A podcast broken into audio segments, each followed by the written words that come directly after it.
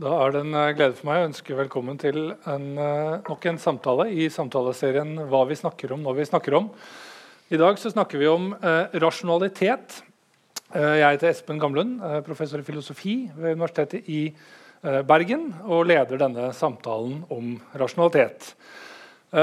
Og som alle andre holdt jeg på å si, så googler jeg innimellom begreper. Så jeg googlet da i forkant av denne samtalen eh, rasjonelt. Eh, og dere vil ikke tro hva som kom opp som nummer to der. Men Det var da eh, rasjonelt eh, fjøsstell. Som er et teaterstykke skrevet av eh, Hulda Garborg. Faktisk et av de mest spilte i norsk teaterhistorie. Uh, I og med at ikke jeg selv har sett det, så vet jeg ikke i hvilken grad eller hva som gjør at det handler om, uh, grad det handler om rasjonalitet. Uh, men det var et overraskende treff. Uh, uh, nedover der så var det selvfølgelig en rekke andre treff, som dere vil regne med. Wikipedia, Store norske leksikon osv. Uh, det som er åpenbart, er at rasjonalitet er et usedvanlig rikt tema. Med mange forgreininger, både langt inn i filosofien og også utenfor filosofien. Og Som vanlig så kan jeg bare litt om de temaene som vi samtaler om her på Litteraturhuset, eh, og da trenger jeg eksperthjelp. Eh, og I dag er jeg så heldig å ha funnet to eh, som faktisk forsker på rasjonalitet. På min venstre side har jeg Ole Hjortland, som er førsteamanuensis i filosofi her ved Universitetet i Bergen. Kollega av meg. Han forsker på, i tillegg til rasjonalitet på logikk. og har ledet nå i noen år et forskningsprosjekt på logikkens filosofi, finansiert av uh, Norges uh, forskningsråd. Uh, sammen med kollega Pål Antonsen så driver han noe som heter Logikksjekk, som kanskje noen av dere har hørt om, som er et forsøk på å ta temperaturen på offentlig debatt og analysere, kanskje kritisere litt, offentlige meningsytringer i avisspalter og på nett. Logikksjekk har også en fast spalte i Morgenbladet for de som er interesserte i det. På min høyre side har jeg Bjørn Ramberg, som er professor i filosofi ved Universitetet i Oslo. Og eh, tidligere kollega av meg, faktisk min tidligere instituttleder når jeg var stipendiat ved Universitetet i Oslo. Eh, Bjørn eh, jobber med så mangt, men kanskje særlig med pragmatisme, med vekt på Richard Rorty. Du har også skrevet ting om Donald Davidson. Eh, og har også eh, interesser for eh, rasjonalitet, som er dagens tema. Så Et sted å starte da, når vi skal samtale om rasjonalitet, er jo kanskje å, å forsøke å si litt om hva det er for noe. Så Et innledningsspørsmål kan være hvis jeg lurer på om noe er rasjonelt for meg. Hva lurer jeg på da, Bjørn? Ja, La oss si at du, du sitter der en ettermiddag eh, i tretida og så tenker du eh, hvordan skal jeg bruke kvelden? eh, kanskje skulle stikke ned på Litteraturhuset. Eh, der er det noen eh, filosofer som skal snakke sammen. Ja. Eh, skal jeg bruke en time av livet mitt på å høre på dem? Godt spørsmål. Ja. Ja. Er, det, er, det, rasjonelt av meg å gjøre det? Ja. Hva er svaret på det? Eh, svaret på det er jo som på så mangt det kommer an på. Eh, og det kommer jo an på hva du tror du får ut av det.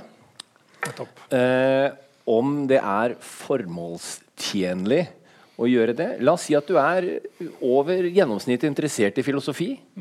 Du liker filosofi live, dialogisk, tilbake til Sokrates og alt dette her. Mm. Det spontane. Mm. Du tenker dette blir en verdifull kveld for en som meg. Mm. Jeg drar dit. Eh, da vil det tenker jeg, være rasjonelt. I lys av dine formål er dette et godt middel til å oppnå et, et mål som du har. Og det er uavhengig av kvaliteten på samtalen? For det vet du ikke når du bestemmer deg for å dra. Så Et aspekt ved dette er en sannsynlighetsoverveielse. Er det rimelig å forvente at du får god uttelling? Mm. Ikke sant? Ja. Uh, og hvis det er rimelig å forvente at du får god uttelling i lys av dine mål, så kan det å bruke en time på Litteraturhuset være et egnet middel. Og da tenker vi ja, det Espen, det var et rasjonelt valg. Mm, mm. Men det er ikke vanskelig å forestille seg at det kunne gå galt, eller at det vil være et, andre omstendigheter et dårlig valg. Det vil neste time ja. vise. Ja, for eksempel.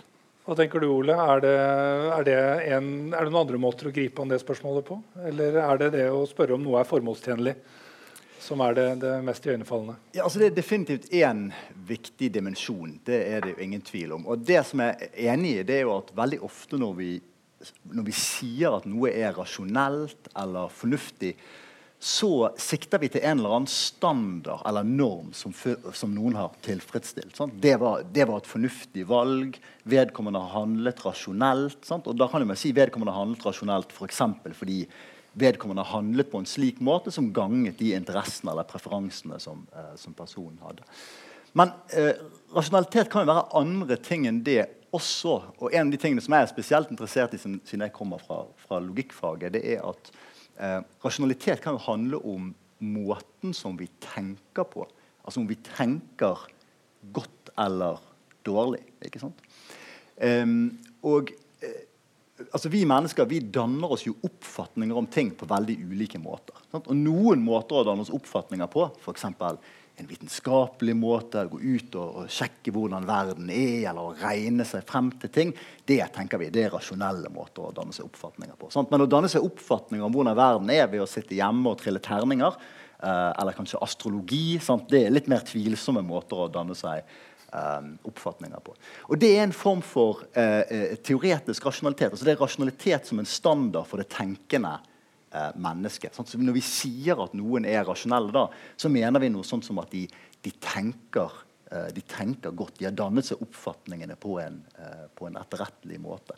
Så her er det kanskje en sånn uh, naturlig distinksjon mellom uh, rasjonalitet som et begrep på, uh, på handlinger, sånt, en slags praktisk rasjonalitet, og rasjonalitet som et begrep som anvendes om måter å tenke på eller måter å danne seg oppfatninger på. Det er mer sånn teoretisk eh, rasjonalitet. Mm.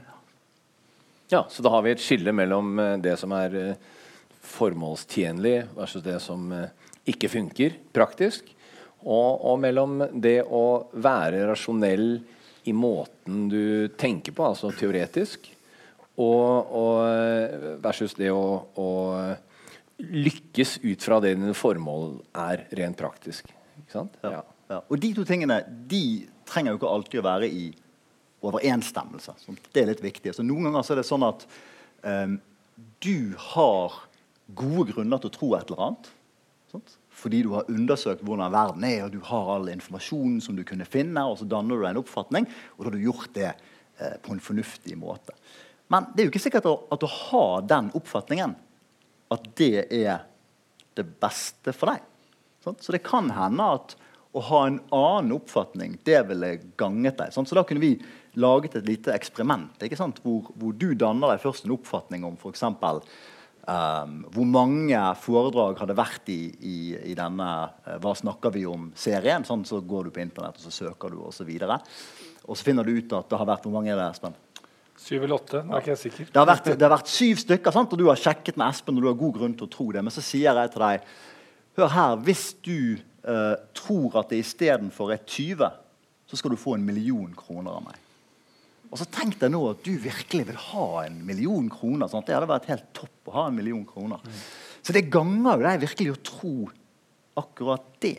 Mm. Men det går jo på tvers av den i anførselstegn da, rasjonelle måten å danne seg en oppfatning på. Sånn. Kan du da velge å tro noe annet som, uh, som ganger deg istedenfor? Mm. Så disse to tingene kan kan kollidere litt. Og det, altså det, illustrerer jo egentlig bare et mer sånn generelt poeng om at disse rasjonalitetsbegrepene de er litt sånn, altså det er noe mangslungent over det. Sant? Vi snakker om rasjonalitet på mange ulike måter, og de stemmer ikke alltid uh, veldig godt overens. Altså. Det er ikke så lett å forbinde dem på noen måte alltid.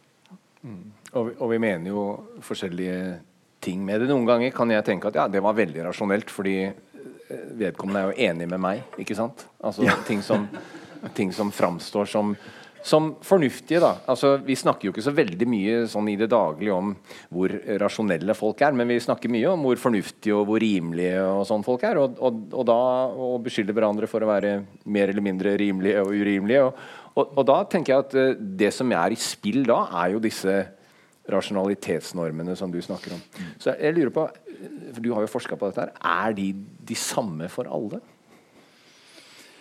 Ja, det er jo et veldig eh, Det er jo et vanskelig spørsmål. Altså, vi kan jo ikke gå ut og sjekke om disse normene er de sanne, samme for alle. Sant? Så vi må jo stille oss spørsmålet er det noen normer for god tenkning, for fornuftig tenkning eller for fornuftig handling da, som er så grunnleggende eh, at de er universelle. Sant? At alle kan kritiseres hvis de bryter de, uansett hvilken bakgrunn de har, uansett hvilken eh, informasjon eh, de har osv.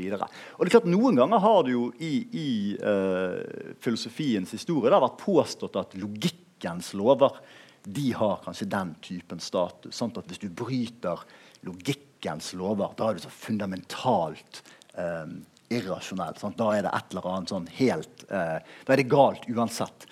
Men altså det som er vanskelig, men også spennende med dette feltet, er jo at mens vi på en måte sitter og, og diskuterer disse eh, normene, da, hva enn, hva enn, de viser seg å, å, være, så innser vi jo at nesten alle forslagene til sånne normer er så vanskelig å oppnå at ingen av oss klarer å oppnå dem. For det er én ting vi vet om empirien, altså den psykologiske empirien, så er det at vi mennesker er forferdelig dårlig til å resonnere godt. Um, til å uh, foreta riktige slutninger. altså Hvis man med riktig mener sånn i henhold til logikken osv. For å ikke, uh, uh, for ikke si hvis vi f.eks. skal tenke statistisk eller sannsynlighetsteoretisk. Det er jo masse forskning som viser at vi, vi helt systematisk trekker de feile slutningene. Altså Vi har kognitive tendenser som leder oss til å, å, å trekke de um, feile slutningene. Så der er det sånn, eh, et spenningsområde på dette feltet at vi, vi driver på en måte og diskuterer litt sånn abstrakt uh, ja, Hva er liksom god måloppnåelse her? Sånn, hva skal til for at noen, vi skal si til noen Jøss, dette var topp eh, topp tenkning. Du har virkelig, Dette var liksom ypperste, ypperste klasse. Mm. Sant? F.eks. en matematiker. Sant? og Hun har, hun har eh, bevist et eller annet fantastisk teorem og vist at dette virkelig eh, eh, tommel opp. Um, og, og, de standardene, hvis de er så krevende at ingen av oss egentlig oppnår dem sånt, uh, i det daglige, mm. er det da, burde vi da egentlig se litt mer på hva er, hva, er de, hva er, de, praktiske standardene som vi faktisk kan oppnå? Sant? Hva skal til for at vi gir hverandre kred for å være fornuftige? Jeg tenker vi, vi har jo masse standarder av denne typen i, i dagliglivet. Som, eh, men jeg tror at disse standardene eh, som regel viser seg når de av en eller annen grunn eh, brytes. Da kan folk si til hverandre sånn Nei, nå er du ikke veldig rasjonell. ikke sant? Bjørn, skjerp deg nå, nå, nå, må du tenke fornuftig. Og, og, det som skjer, da, er at noen mener å kritisere meg for å eh, bli styrt i min tenkning av, av, av, ting som ikke er relevante, eller som kanskje gir meg en slags bias, eller et eller annet sånt. Ikke sant? Og det, dette tror jeg egentlig de fleste av oss har et grep om. Altså hva, men for oss alle er det vanskelig å si hva det grepet er som med mange begreper så er vi ganske gode til å bruke dem uten å kunne si hva de betyr. ikke sant? Det gjelder litt her når vi snakker om disse standardene for, eh, for skal vi si, kognitiv atferd. Ikke sant? Eh, og jeg tror det er ganske bred forståelse eh, som vi på en eller annen måte deler, selv om det er rufsete i utkanten, som gjør at de fleste av oss eh, kan kjenne igjen et godt resonnement når vi ser et, og vi kan kjenne igjen en kognitiv urimelighet når vi ser det. Men, men, det er ikke så lett å si hva det er som er normene som står i spill der. Nei, Hva er det som er, er, er fellesnevneren? Det er ikke så lett å si. Så det er klart at Teoriene for rasjonalitet, for god tenkning og Det finnes jo mange teorier av den typen. Sant? Enten det er spillteori, decision theory, ulike logiske teorier og sånt, de opererer jo ofte disse sånn sandkassemiljøer sant? hvor ting er veldig idealiserte og enkle. Og hvis, det er sikkert mange her som har spilt Sudoku, for eksempel, som er et sånt enkelt eh, tallspill. og Det bruker jeg ofte som et, som et eksempel. Og der er det sånn at Vi to kan sitte og, og, løse en sudoku sammen. Sant? Så ser du over skulderen min, sant? og jeg tenker høyt og sier mm, her kan jo ikke det være seks, og da må det være tretall. Og så skriver jeg inn, og så sier du ja, men vent nå litt, hvorfor skulle ikke det være fire? Sant? Og der er det sånn ganske håndgripelig på en måte hva som teller som et godt resonnement. Men det er et utrolig enkelt miljø. Og så er det selvfølgelig sånn at Når vi skal løfte dette opp til hverdagslige problemer, for ikke snakke om samfunnsproblemer, politiske debatter, sånt, så blir det utrolig mye vanskeligere um, å gjenkjenne de samme, samme standardene. Og, Og det uh, er jo en av grunnene til at vi ikke uten videre klarer å si at ja, det er noen standarder som, um, som gjelder overalt. Mm. Men En sånn kandidat kanskje på moralens område er jo det likhetsprinsippet som vi kan spore tilbake til Aristoteles, om at like tilfeller skal behandles likt, og ulike tilfeller skal behandles ulikt. Er ikke det et sånt eksempel på at hvis en person bryter med det prinsippet, så er det på en måte enkelt å påvise at her er det en brist. Uh, her har du uh, tatt for mye hensyn til deg selv, eller du har rett og slett behandlet to like tilfeller ulikt eller to ulike tilfeller likt. Er ikke det en sånn kandidat til sånt, en sånn norma? Tja, altså um det, det, kommer jo litt an på hva man legger i akkurat det prinsippet. Men det, er klart, det prinsippet høres jo ut, det er jo et normativt prinsipp. Men hvis, er det slik at hvis man bryter med det prinsippet, at man da er irrasjonell altså, I den naturlige lesningen, da, hvor det liksom er en oppfordring om at eh, hvis du mener at noe er riktig i dette tilfellet, så må det være riktig i alle eh, tilsvarende eh, tilfeller, så er jo ikke det uten videre rasjonelt i den forstand at du kan jo tenke deg at uh, i dette tilfellet har jeg noe å tjene på å gjøre sånn og sånn. Sant? Men i dette tilfellet har jeg noe å tjene på å gjøre noe mm. helt annet. Men altså, det kan jo hende det kan, det kan overføres på en annen måte um, likevel. Sant? At hvis du står overfor et problem hvor du skal foreta en handling eller tenke deg frem til et resultat, og forholdene er helt like, Eh, men du ved to ulike anledninger med samme setting kommer frem til ulike svar, så har et eller annet gått galt. Mm. Men igjen så er jo problemet at det er jo en veldig lite praktisk orientering til denne problemstillingen. Sant? For når er to tilfeller helt like? Det er jo de egentlig aldri. Sant? Hvis jeg sitter og uh, lærer opp mine studenter til sånne små sudoku-resonnementer, uh, så sender jeg det ut i verden. og sånn. Nå kan du løse alle mulige problemer. Alt fra liksom, krangler i husholdningen til uh, politiske debatter. Så er det umulig å gjenkjenne de, de samme mønstrene. Mm. Mm. Så da er det en forskjell mellom å tenke rasjonelt og tenke konsistens. Så det formale likhetsprinsippet innbyr vel egentlig til å tenke konsistens, men ikke eh, at noe er rasjonelt. Så hvis du bryter med prinsippet, så kan det være formålstjenlig for deg og rasjonelt for deg. Men, ikke, men, da bryter du med et annet prinsipp, og det er et prinsipp om ja, å være konsistent. I, ja, altså, i hvert ja. fall hvis man tenker sånn nyttemaksimeringsperspektiv. Uh, ja. Da vil jo alt avhenge veldig av, av, av, av uh, hva preferansen din er der, og liksom hva de ut, ulike utfallene er, og hva du vet om de ulike utfallene. Men det er klart at i to helt identiske situasjoner, ja, hvis det er ett svar som er rasjonelt, så bør jo det være det samme, mm. um, samme hver gang. Men det sier oss jo ytterst lite om hva vi bør gjøre mm. sant, i et um, men det er et, veldig, et spenn her mellom de abstrakte lovene til logikken, som du var inne på. Et spørsmål er hva er egentlig logikk? Men det kan vi kanskje komme tilbake til. Ja. Eh, og, og, evalueringen av konkrete situasjoner hvor det er endeløse faktorer som man må forholde seg til på en eller annen måte. Jeg tenker at Det spennet der mellom det abstrakte, generelle og det, og det konkrete, det er jo eh, særlig én vitenskap som står sterkt her i Bergen, som, som, som driver mye med dette. Eh, økonomi. Eh, hvor, hvor, dette begrepet om en rasjonell aktør har en helt særegen betydning. Sånn, vi, vi, bruker det mye når vi snakker om økonomisk eh, eh, teori. Og det har jo både en abstrakt normativ betydning, men det gis jo også en litt empirisk innhold. ikke sant? At det er en idealisert beskrivelse av hvordan folk flest oppfører seg økonomisk når de er røftlig rasjonelle. da, ikke sant? Og hva, hva betyr det i denne settingen, tenker jeg. Ja, altså det, det, Jeg syns det er et kjempeinteressant uh, spørsmål. Det er jo ingen tvil om at uh, rasjonalitetsbegrepet i våre dager det eies på en måte ikke av filosofene, det eies egentlig av økonomene. Mm. Uh, altså Når man snakker om rasjonelle veddemål, sant? om rasjonelle investeringer, risikoanalyse osv. Mm. Mm.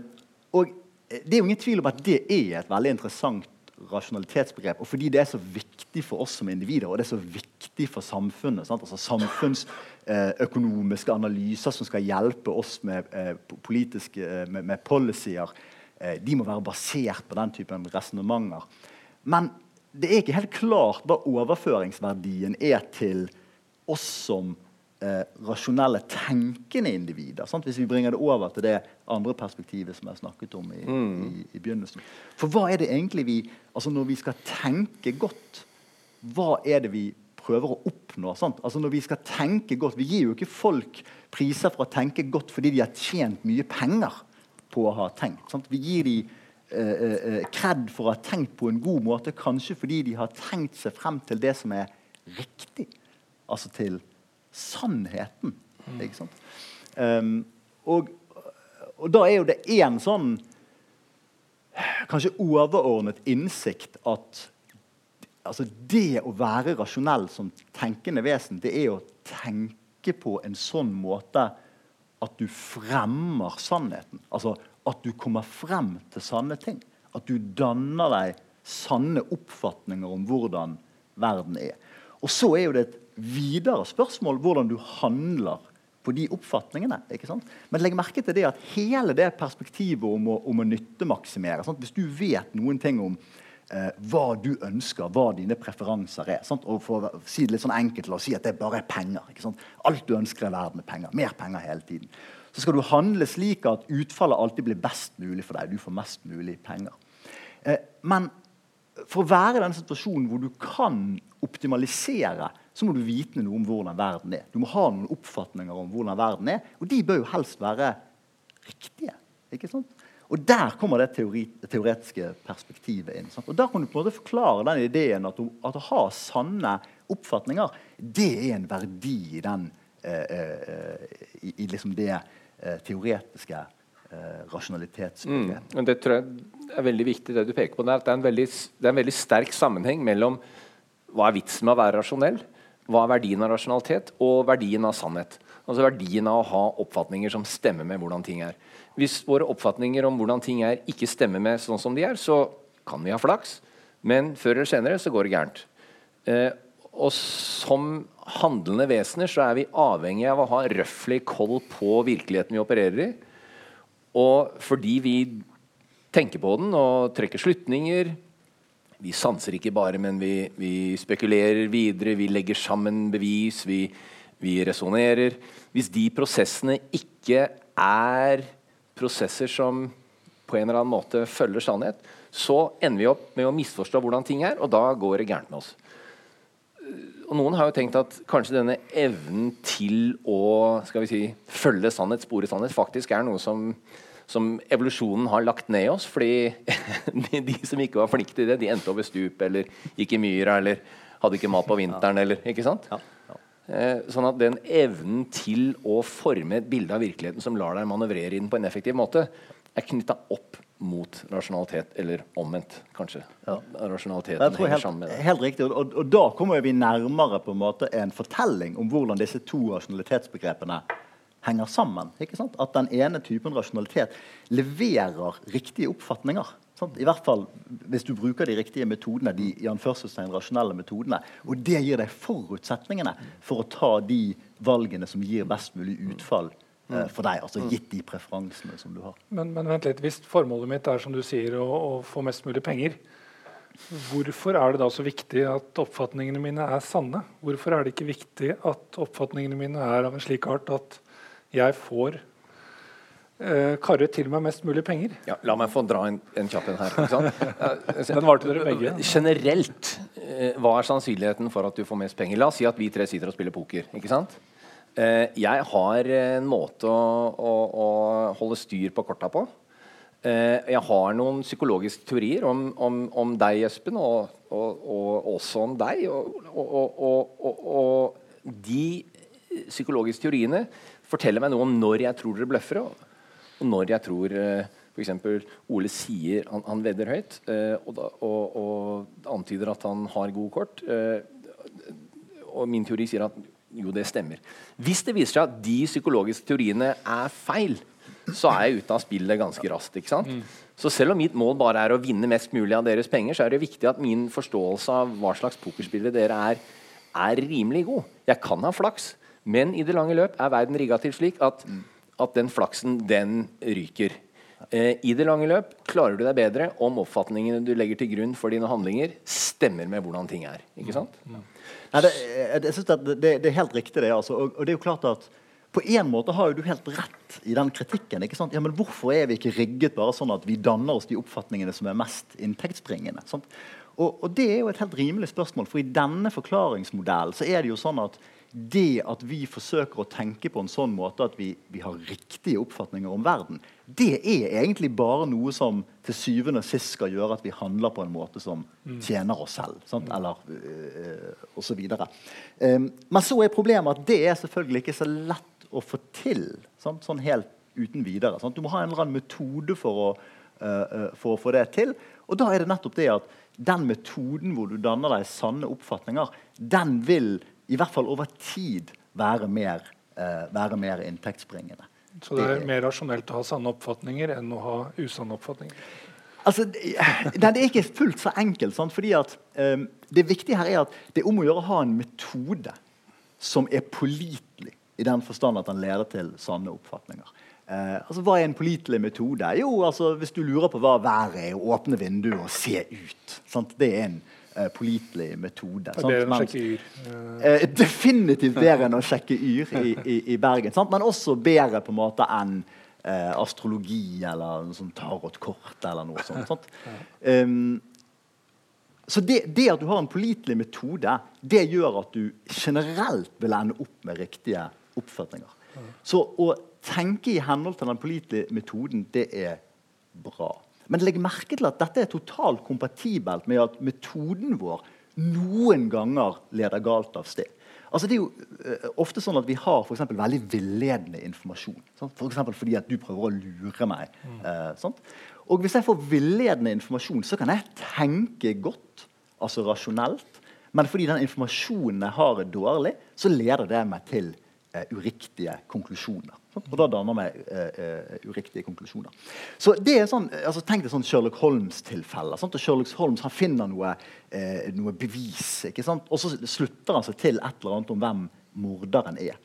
Um, og da kan vi si at det var godt tenkt, Sherlock Holmes. Men det Sherlock Holmes ikke vet, er at de bevisene var plantet. Sant? Men vi vil ikke da konkludere med at eh, Sherlock Holmes ikke har tenkt rasjonelt, han har ikke, at han har tenkt dårlig. Han har fortsatt tenkt godt, sant? men han endte likevel opp med usanne oppfatninger. Mm. Mm. Eh, sånn at Her er poenget at du kan ha tenkt rasjonelt, men ha usanne oppfatninger. Og motsatt. Du kan ha sanne oppfatninger, men ha dannet deg de sanne oppfatningene ved hjelp av en totalt upålitelig metode. Sant? Fordi, så, Eksempelet som jeg nevnte innledningsvis innledningsvis. Altså, jeg tenker at jeg eh, jeg skal eh, vedde på hvilken hest som kommer først inn. Sant? Og Metoden min det er å sitte hjemme og trille terning. ikke sant? Før jeg, før jeg, jeg vet ingenting om hester. Sant? Men så har jeg bare utrolig flaks, og jeg triller riktig hver gang. Sant? Sånn at det vil være, Da danner jeg med riktige oppfatninger om hvilken hest som vinner. så veldig bra for meg, ikke sant? og kanskje tjener jeg penger hvis jeg faktisk vedder. Men ingen vil jo da si at Ole har fulgt en, altså han, han har tenkt rasjonelt eller tenkt eh, fornuftig. Mm. Så de tingene kommer helt klart fra hverandre i, i noen tilfeller. Men da må liksom det overordnede poenget være at stort sett, da, stort sett, hvis du tenker rasjonelt, mm. så øker du eh, sjansen for å, uh, for å, danne deg riktige oppfatninger om hvordan verden mm. eh, Så det vi, det vi har snakket om nå, det er eh, måter å lære seg om verden på. Måten å skaffe seg bilder av hvordan virkeligheten er. ikke sant? Gode og dårlige metoder. Alle metoder slår av og til feil. Gode metoder slår feil sjeldnere enn dårligere metoder. ikke sant? Og noen har ikke metoder i det hele tatt. Eh, og, og, det kan gå ymse. Men, men, eh, men, er det den, kanskje det er andre kontraster også, tenker jeg, når vi snakker om rasjonalitet, mellom det å å tenke på en måte som gir et riktig bilde, versus å tenke på det som gir et uh, mindre pålitelig bilde. Altså pålitelig og upålitelig tenking. Hvis vi, hvis vi eh, eh, snakker om folk som rasjonelle ah, En rasjonell type, f.eks. Er, er alt vi sier da om denne personen, at eh, vedkommende tenker på en måte som tenderer mot å gi et pålitelig bilde av virkeligheten? Eller kommuniserer vi andre ting også? Hva, ja, vi... hva, hva står på spill når vi, når vi bruker dette begrepet? Ja, altså Å bli kalt rasjonell er jo ikke alltid utelukkende en god ting. da. Det, altså For meg som har logikk som fagfelt, så må jeg på en måte tåle en viss grad av sånn Star Trek-spøker og, og, den typen ting. sant? At man ja, du syns vel ikke dette er noe moro, du som er så rasjonell? Ja, sant, kald og kalkulerende hele tiden. Her satt vi og, og, og spilte og spilte spill hele kvelden, ikke sant? Ja. ja, ja. Nei, altså det, det, er klart at man, man legger jo noe i det. Sant? Og så tenker man seg ofte at det er noen kontraster der. Sant? Hvis du er rasjonell, du, kan du være for rasjonell? Sant? Går det på bekostning av, av andre ting? Sant? Vi snakker ofte om at um, uh, liksom, din, din, liksom, fornuften kan bli forpurret av følelsene dine. Sant? Du mm. river med av følelsene. Men mm. det er ikke så ofte vi på en måte sier at uh, Nå lot han seg rive med av fornuften. men det kan vel skje, det også. sånn at ah, den fornuften spolerte igjen den romantiske middagen. Altså det... jeg, jeg... Han tenkte for mye på hva det kostet. Sammenlignet priser. Tenk, du, du, du, du, sitter i en nordre sving ikke sant? Eh, og, og ser på kampen. Også. Men var det egentlig en veldig, var det et riktig valg? Var det en god pasning? Det, eh, det er eh, stemningsdrepende. Overkalkulerende. Overkalkulerende. Ja, så det går an å være skal vi si, for kritisk, men det å være, tenke kritisk er jo en ganske viktig del av det å være rasjonell. ikke sant? Mm. Mm. Så det er kanskje noen ganger at det å begrense den dimensjonen av rasjonalitet er det rasjonelle valg. Oi. Ja, ja kanskje. Ja. Nei, altså jeg tror absolutt at altså det er jo klart at Dette er jo noe graduelt. Sant? Du kan være mer eller mindre eh, fornuftig i situasjoner. Og, og, noen ganger så er det klart at du kan bli handlingslammet av å være for fornuftig også. Altså, det er et kjent dilemma som, som, som eh, Eh, altså kunnskapsteoretikere snakker mye om. Eh, vi kommer alle til verden som eh, ganske uvitende, og så skal vi skaffe oss mye kunnskap på kort tid. Eh, og vi er, vi, er, vi er, laget for å få til det. ikke sant? Men en viktig del av den, av den evnen er evnen til å vise tillit. Eh, vi må ha tillit til den informasjonen vi får, slik at vi kan begynne å legge den til grunn. Men hvis du viser for mye tillit, så ender du opp i stry. Hvis du viser for liten tillit, så går du glipp av masse nyttig informasjon. Så den balansen mellom det å vise tillit til det som framstår på en bestemt måte, versus det å, å, være skeptisk og kritisk, den er ikke alltid så lett å treffe. Eh, sånn at Hvis vi tenker på det å være rasjonell som det å være veldig kritisk og skeptisk og hele tiden skulle ha mer belegg, hele tiden utelukke alle muligheter og sånn, da Det er helt klart en evne du kan ha for mye av. For da går du glipp av masse informasjon som det rent praktisk er viktig for deg å få tidlig med utilstrekkelig kanskje, eller i hvert fall ikke definitivt belegg. ikke sant? Så skal vi lykkes som aktører i eh, en eh, hard virkelighet, så er vi nødt til å basere oss eller ha evnen til å ta til oss informasjon som kanskje ikke er eh, tilstrekkelig godt belagt. Vi må ha en grad av tillit. Og hvor går den graden av tillit? når er det riktig å vise den? Hvordan modulerer vi den? hva er et rasjonelt tillitsnivå i forskjellige settinger? Dette er jo spørsmål som vi hver og en av oss heldigvis slipper å tenke oss fram til. Fordi det tar følelsene våre seg av for oss i stor grad. Hvis du har et godt modulert følelsesliv, så har du en slags peil på det med hvor du skal vise mye tillit og hvor du skal vise lite tillit, som er nødvendig for at rasjonaliteten din skal fungere som den skal. Mm. Men Hvilken plass har egentlig liksom, følelsen mer generelt i denne, dette bildet vi har tegnet så langt av rasjonalitet som noe som er veldig sånn eh, abstrakt, intellektuelt osv.? Eh, nå nevner du tillit. Men det er vel en sånn nedvurdering av følelsene tradisjonelt, i, i hvert fall i noen deler av filosofien, og en oppvurdering av fornuften. Uh, og er ikke det også litt sånn gjenspeiler i vårt samfunn at det er, det er enklere å, å fremstå som fornuftig og kanskje vanskeligere å fremstå som et følelsesmenneske? Og hvis du viser følelser, så viser du en sårbarhet som du kanskje ikke ønsker å vise. Mens mm. det å framstå mm. som en person som evner å tenke rasjonelt og fornuftig, den siden vil du gjerne vite, mm. vise. Hva, hva mm. sier det oss, egentlig? Mm. Altså Denne kontrasten mellom det rasjonelle og det følelsesmessige er jo veldig veldig interessant. Den er historisk interessant. Den har å gjøre med forskjellen eller vår oppfatning av mennesket som menneske versus disse andre artene som jo ikke er fornuftige. Den har å gjøre med oppfatning mellom, eh, om forholdet mellom kjønn. Eh, og maskulinitet og femininitet. Eh, den har å gjøre med eh, historiske oppfatninger om rase. Alle de eh, er preget av denne kontrasten mellom fornuft og følelse. Eh, I Hellas var det vel egentlig bare eiendomsbesittende voksne menn som var fornuftige. Eh, alle de andre manglet da denne kritiske nos. I hvert fall var den ikke ordentlig utviklet. ikke sant? Og, og jeg, jeg, tror vel at det er viktig at vi har det bakteppet med oss når vi, når vi lytter til vår egen bruk av disse begrepene. da. For å se hva, hva de sporer.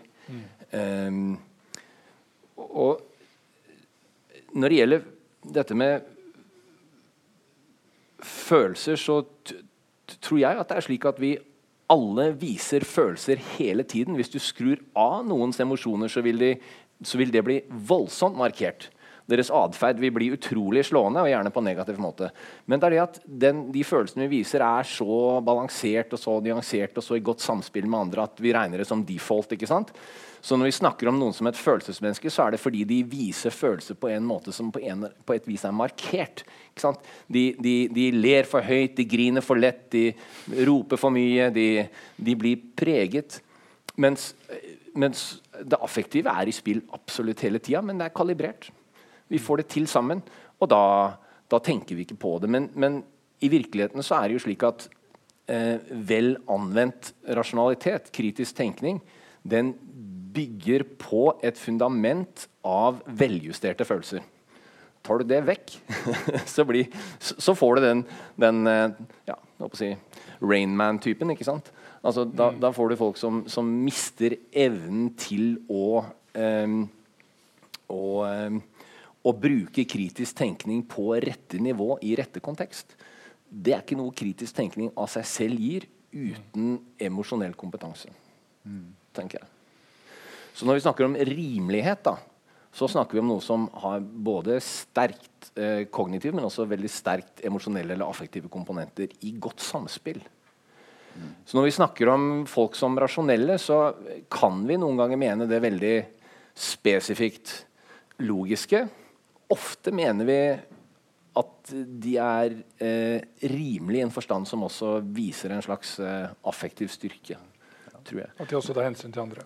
Tar, eksempel, ja. uten at de kanskje må minne seg på det. ikke sant? De fleste av oss er jo påvirket av hvordan andre har det i vår egen motivasjon og i vår egen tenkning, uten at vi nødvendigvis logger det med oss selv og, og, og, og har en metode for å være det.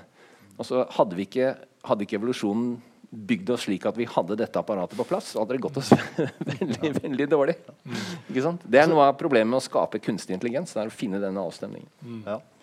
Uh, nei, altså, uh, jeg syns jo i grunnen at det, altså, den kontrasten mellom fornuft og følelser typisk blir overdrevet. Også blant de som snakker om disse smalere rasjonalitetsbegrepene. For Hvis du virkelig mener at rasjonalitet handler for om å nytte nyttemaksimere på et eller annet vis. Sant? Og det finnes mange ulike utgaver. Så må du likevel akseptere at den nyttemaksimeringen den forutsetter at det er noen eh, preferanser til stede. Og følelsene dine er jo veldig ofte uttrykk for de preferansene. Mm. Sånn at når min treårige datter når hun griner for et eller annet, eller ler, sant? så gir hun uttrykk, ofte ikke-verbalt, for hva det er hun ønsker, hva hun vil. hva det er hun, eh, Om hun er sulten, om, om, hun er kald osv. Så, så, så de, at de preferansene er til stede i oss, um, og at vi har en viss innsikt i de, det må jo være en forutsetning for hele den modellen av, av nyttemaksimering. Mm. Og her er det jo bl.a. en problemstilling at vi selv ikke ofte altså vi, vi, ikke alltid har god peiling på hva det er vi vil. Sant? Vi tror kanskje hva vi vil, men vi vet ikke alltid hva vi, um, hva vi vil. Så den, den uh, kontrasten mellom, mellom, fornuft og følelser uh, altså Min oppfatning er at den kanskje mer brukes retorisk som et virkemiddel for å, for å, å kritisere andre. Altså, vi snakket om at noen kan være for rasjonell, men mye oftere så hører vi om at folk blir, eh, blir karakterisert som følelsesmennesker. Sant? Fordi at, mm. ja, altså, Ikke ta det innlegget der for seriøst, for det er bare et uttrykk for følelser. Sant? Vedkommende har ikke egentlig tenkt gjennom dette. her spesielt. Da må vi tenke med hjernen, ikke med hjertet. Det var jo sant, et alle eh, mulige, slagord ja da, sant, Mm. eh, sånne ting som dette her. Og hvis vi ser på, på en måte øh, eh, politiske debatter, så er jo dette noe som opptrer hele tiden. Sant? Tenk på den mediesituasjonen vi hadde med, med Trine Skei Grande, Venstre-lederen, f.eks. Når det kom frem at ja, hun griner jo i, i møter. Sant? Og det ble liksom oppfattet som oi, det er veldig spesielt. Og, hun, og hun sa jo selv jeg er et følelsesmenneske, så det er sånn jeg oppfører meg. Ja, sant? Ja, det, Går det på bekostning av hennes fornuft? Bør vi være bekymret for hennes evne til liksom å, å overveie eh, eh, politiske saker og, og, og, ehm, fundere på politiske dilemmaer? Jeg tror ikke det. Det er, det er altså. et viktig spørsmål. Det var tilbake til det som Espen spurte om her i sted. Altså, hvorfor er det at vi er bekymra for dette med å vise følelser? Så, gikk jeg en litt annen vei. altså at Vi viser følelser hele tida, men jeg veit jo hva du egentlig mener. ikke sant? Vise følelser på en markert måte. Og jeg, jeg tror at eh, Gråte er en av de måtene. Eh, Gråte er en av de måtene, ja. Eh, bli veldig sint er en annen en. Ja. Man kan bli veldig sint og kjenner ofte etterpå Kjenner seg avslørt eller avkledd, skamfull. Ikke sant? Eh, bli veldig lei seg. Og jeg tror at eh, når vi snakker om fornuft og dette med å eh, resonnere, da gjør vi i en forstand noe som er upersonlig. Hvorfor tror du at P, for å bruke et klassisk filosofisk eksempel ja, ikke sant? Hvor, hvor, Hvorfor tror du at eh, ja, hvor, hvorfor, hvorfor tror du at, eh, at eh, ja, Var et eksempel på noe som kan stå på spill for oss nå. Hvorfor tror du at eh, Brann ikke kommer til å bli seriemestere i år? F.eks. jeg, jeg, jeg, jeg, tror de kan komme til å bli det. Og så sier ja, så la oss diskutere det. Og så kan vi snakke om trenere, vi kan snakke om spillekjøp, økonomi, vi kan snakke om strategi. Men alt sammen er grunner vi kan legge foran oss på bordet og se på. ikke sant? Det er på en måte utafor oss selv. Det er, det er logiske, relaterte grunner. Det er én ting. Men når du snakker om følelser, så snakker du ikke om noe du kan legge liksom, foran deg, ta ut av deg selv. Da snakker du om noe du er og har. Noe som skjer i deg. Noe som du ikke har styring på, som ikke er, eh, er et resultat av din vilje, men noe du gir til kjenne, som du kanskje eh, Kanskje er det slik at andre ser det i deg enda bedre enn du selv gjør, så du er veldig eksponert. Eh, og det, det å stå eksponert og sårbar, det er noe som ja, er gjør oss eksponert og sårbar. Eh, og, og kan være truende. Så jeg tror det er på en måte det korte svaret på ja, ja, medium lange da.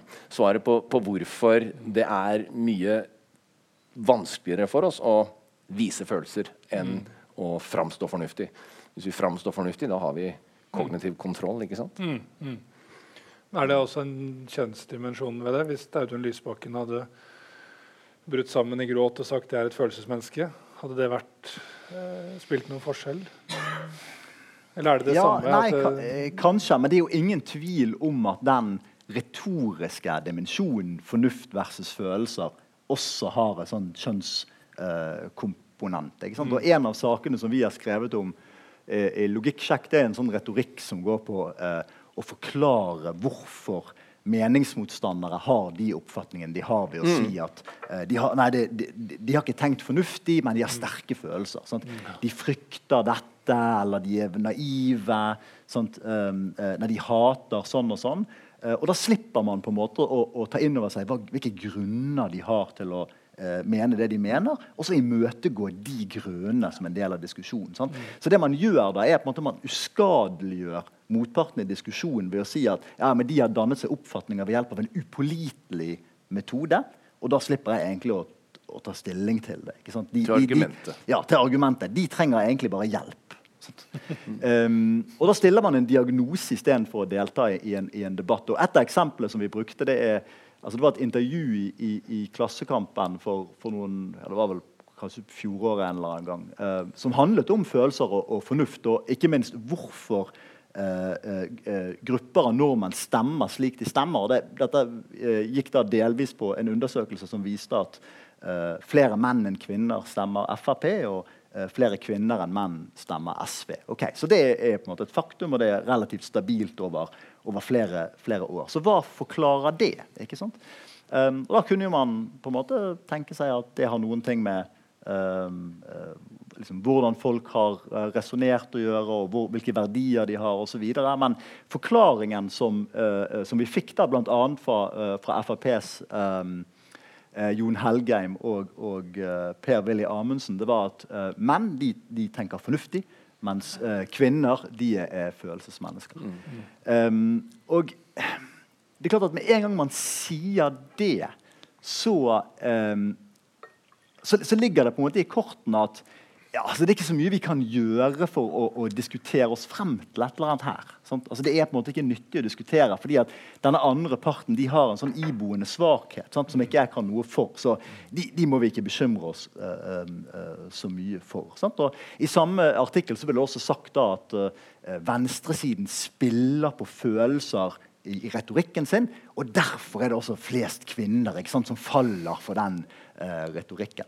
Og det er, jo, det er, jo, klart at det er jo veldig eh, eh forstemmende tenker jeg, å beskrive eh, en politisk debatt og politiske oppfatninger og beslutninger på den eh, måten. Mm. Eh, men det er klart at dette er ikke noe som er en sånn altså, Her må alle sider i politikken være, være forsiktige. Sant? fordi at Venstresiden har jo også en tendens til å på en måte si at ja, hva er, hva er liksom forklaringen på eh, denne innvandringskritiske oppfatningen. Ja, det er frykt for innvandrere. Sånn? Ja, Har vi da falt i samme fæle og forenklet eh, hva som leder til disse oppfatningene hos meningsmotstandere? Sånn? Så Steg én bør jo være altså, å lytte til hva argumentene er. lytte til grunnene istedenfor umiddelbart prøve å gripe til en eller annen årsaksforklaring som reduserer deres oppfatning til, til et eller annet som de uheldigvis har pådratt seg mm. sant, på en eller annen eh, måte. Men dette er en gjenganger i, i offentlig debatt, altså. Mm. Helt klart. Um, det har vært en viktig endring i, i, i, statsvitenskap og andre samfunnsvitenskaper de siste la oss si 20-30 åra, den såkalte affective turn, hvor man forsøker å, å studere politiske følelser, eller følelsers rolle i politiske beslutninger, og ikke minst i, i, i eh, demokratiske beslutninger, mye mer seriøst. Og, og det innebærer jo også kanskje at vi, at vi, løser litt opp på hvordan vi kategoriserer fornuft og følelser. Følelser er i utgangspunktet en måte å ta inn over seg deler av verden på. ikke sant? La oss si at du er redd. Eh, det er mange situasjoner hvor det er veldig ufornuftig å ikke bli redd. De som mangler den evnen til å føle frykt når de bør, det er ganske analogt med de som mangler evnen til å føle smerte, og det er jo noen som dessverre gjør det, eh, når de bør, og dem går det dårlig med. De dør fort. Og, og, sånn er det jo også. Tenk hvis du er sau, og så mangler du evnen til å være redd.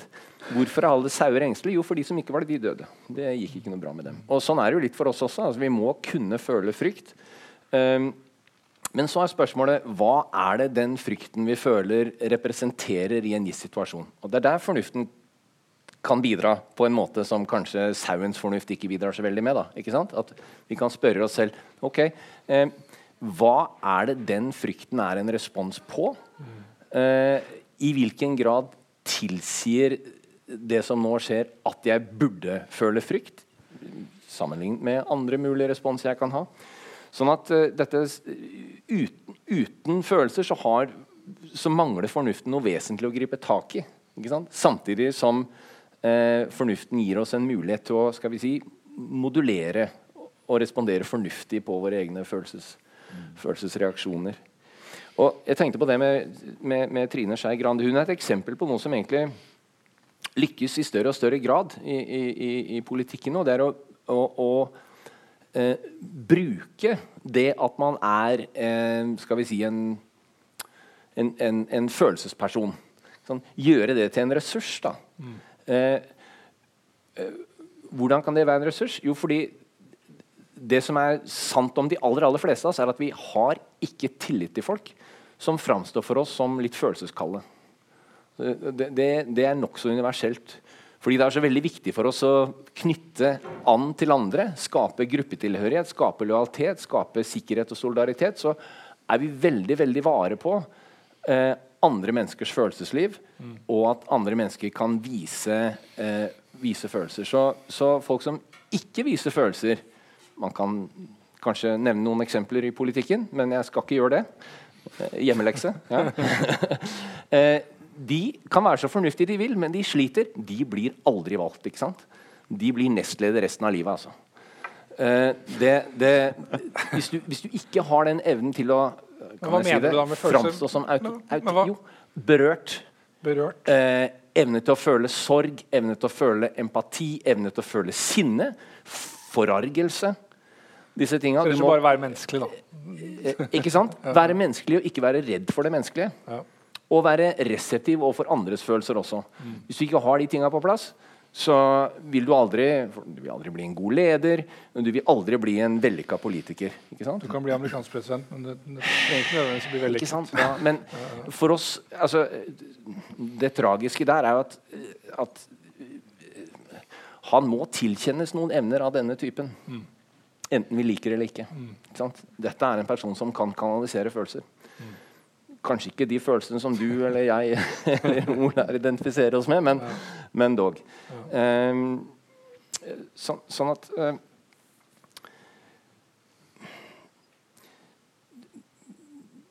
Når vi setter opp en kontrast mellom det å være fornuftig og det å være et følelsesmenneske, så er det alltid en veldig spesifikk kontekst. Det er alltid en veldig, no, et eller annet konkret som vi tar sikte på. da. Hvis vi tenker bredt på det, så er det slik at, at, eh, at fornuft er betinget av et uh, rimelig godt kalibrert følelsesliv. Mm.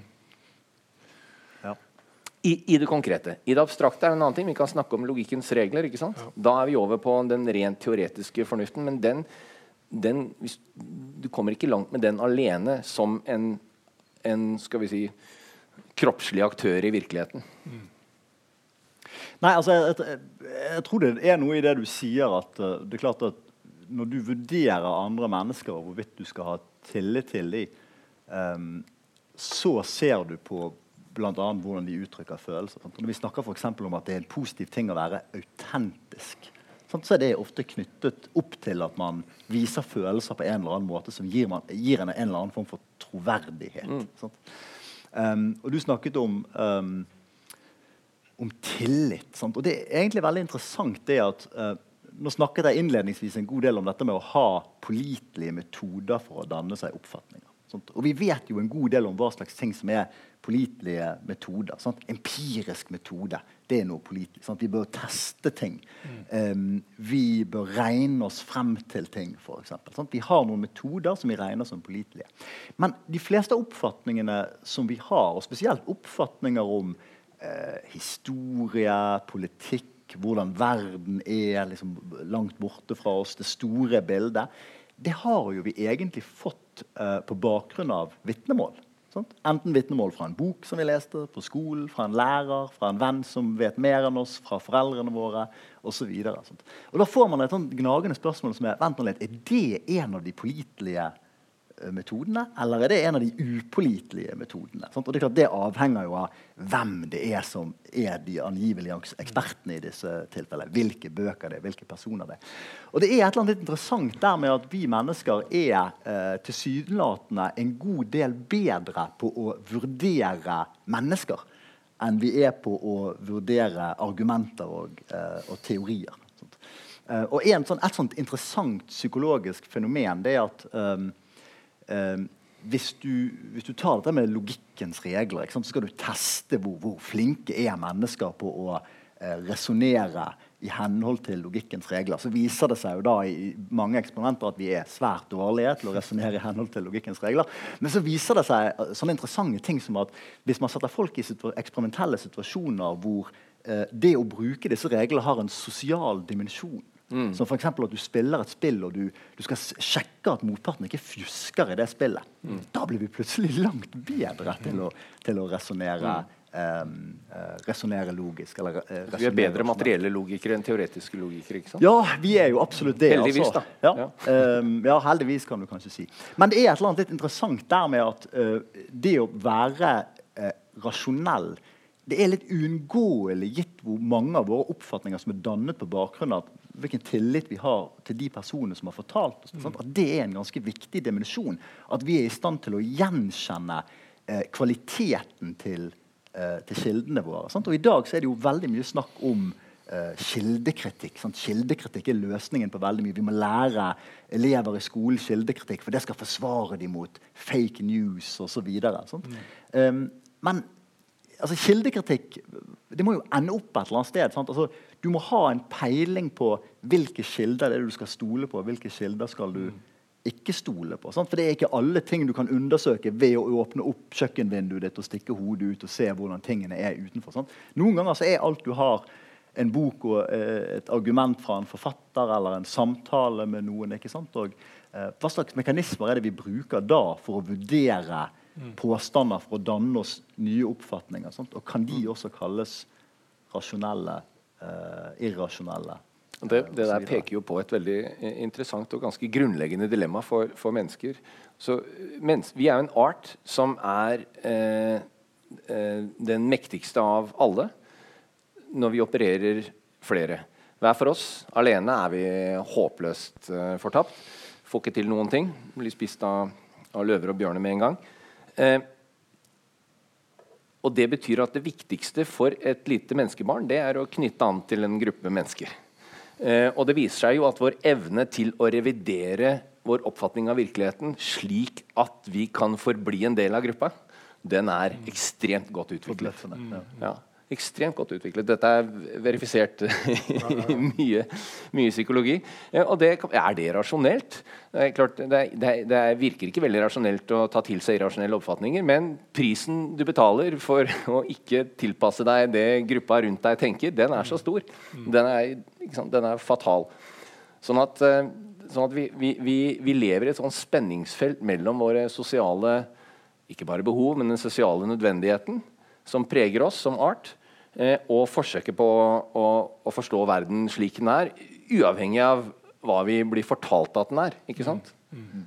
Mm. Ja. Og dette preger tror jeg, en god del av, av det som er tvetydig da, i, i, i, rasjonaliteten og forholdet mellom rasjonalitet og, og følelser. Mm. Ja, det gjør det. Og det peker også på en, en, annen dimensjon, som er at når vi snakker om at Um, altså at noen har tenkt fornuftig, har handlet fornuftig osv., så, videre, så er det jo det vanlige er jo at vi snakker om andre personer.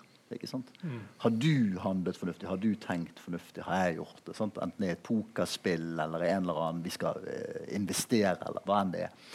Men det er klart at uh, noen ganger så bruker vi også den typen terminologi på grupper. Mm. ikke sant? Har laget handlet fornuftig? Sant? Mm har eh, bedriften handlet fornuftig? Har staten handlet fornuftig? Sant? Og det man gjør da, det er at man løfter eh, tilsvarende problemstillinger fra et individnivå, sant, hvor aktøren er en individ, opp til et gruppenivå hvor aktøren er en gruppe. Og Da får man en, sånn helt ny sånn rikhet av interessante spørsmål. For det viser seg jo f.eks. at det er fullstendig kompatibelt å ha individaktører som ikke tenker godt, men som likevel er del av en gruppe som på en eller annen måte sammen tenker godt. ikke sant? Um, for de drar nytte av hverandre og den informasjonen de har. Og Likeledes er det også mulig, og det er vel kanskje den liksom mer presserende eh, eh, det presserende perspektivet, da, at vi kan være rasjonelle som individuelle aktører, men del av en gruppe mm. som står overfor en problemstilling som vi som gruppe ikke klarer å, uh, å handle rasjonelt. Vi nevner i fleng klimakrise. Ja, ja, og da får man et sånt koordineringsproblem. Um? At um, altså, du kan nyttemaksimere, Espen nyttemaksimerer, jeg nyttemaksimerer. Sant? Og uh, vi er samtidig klar over at det er på en måte en um, altså Det er en slags situasjon her hvor vi skjønner at hvis vi alle samarbeider, så vil vi, så vil vi stå bra i det. Eh, Selv rent egoistisk tenkt vil vi alle komme bedre ja. ut hvis vi samarbeider. Men likevel Og likevel så er det veldig vanskelig å, å oppnå. Og, og, her, Dette finnes jo det mange eh, eh, modeller på i økonomien som bruker de spillteori bl.a. for å modellere den typen ting. Mm. Den typen problemstilling den oppstår i alle mulige banale sett settinger. når vi skal velge om vi skal kjøre bil eller om vi skal ta buss til jobb, f.eks. Mm. Um, men den oppstår da, og det er jo det som er interessant i disse situasjonene hvor vi skal bestemme hva vi skal gjøre med sånne overordnede mm. um, politiske spørsmål. Mm. Og det er, ja, det er en utfordring. Ja. Jeg tror kollektiv rasjonalitet får bli en ny samtale. Uh, for det åpner en rekke nye problemstillinger. Uh, vår samtale er ved veis ende. Uh, du innledet med å reise spørsmålet om det var rasjonelt da av folk å komme hit i dag. Ja, Det var deg jeg snakket om. Det var jeg, ikke meg, uh, jeg er glad jeg kom hit. Uh, håper dere syns det samme. Så er det på trappene planer om nye samtaler til høsten. Temaene er ennå ikke bestemt, uh, men følg med på Litteraturhusets hjemmesider og på Facebook. Så finner dere informasjon der om samtaler til, til, høsten. Takk til Ole Hjortland og til Bjørn Ramberg, og takk til dere som kom. Og til deg, Espen. Takk. takk.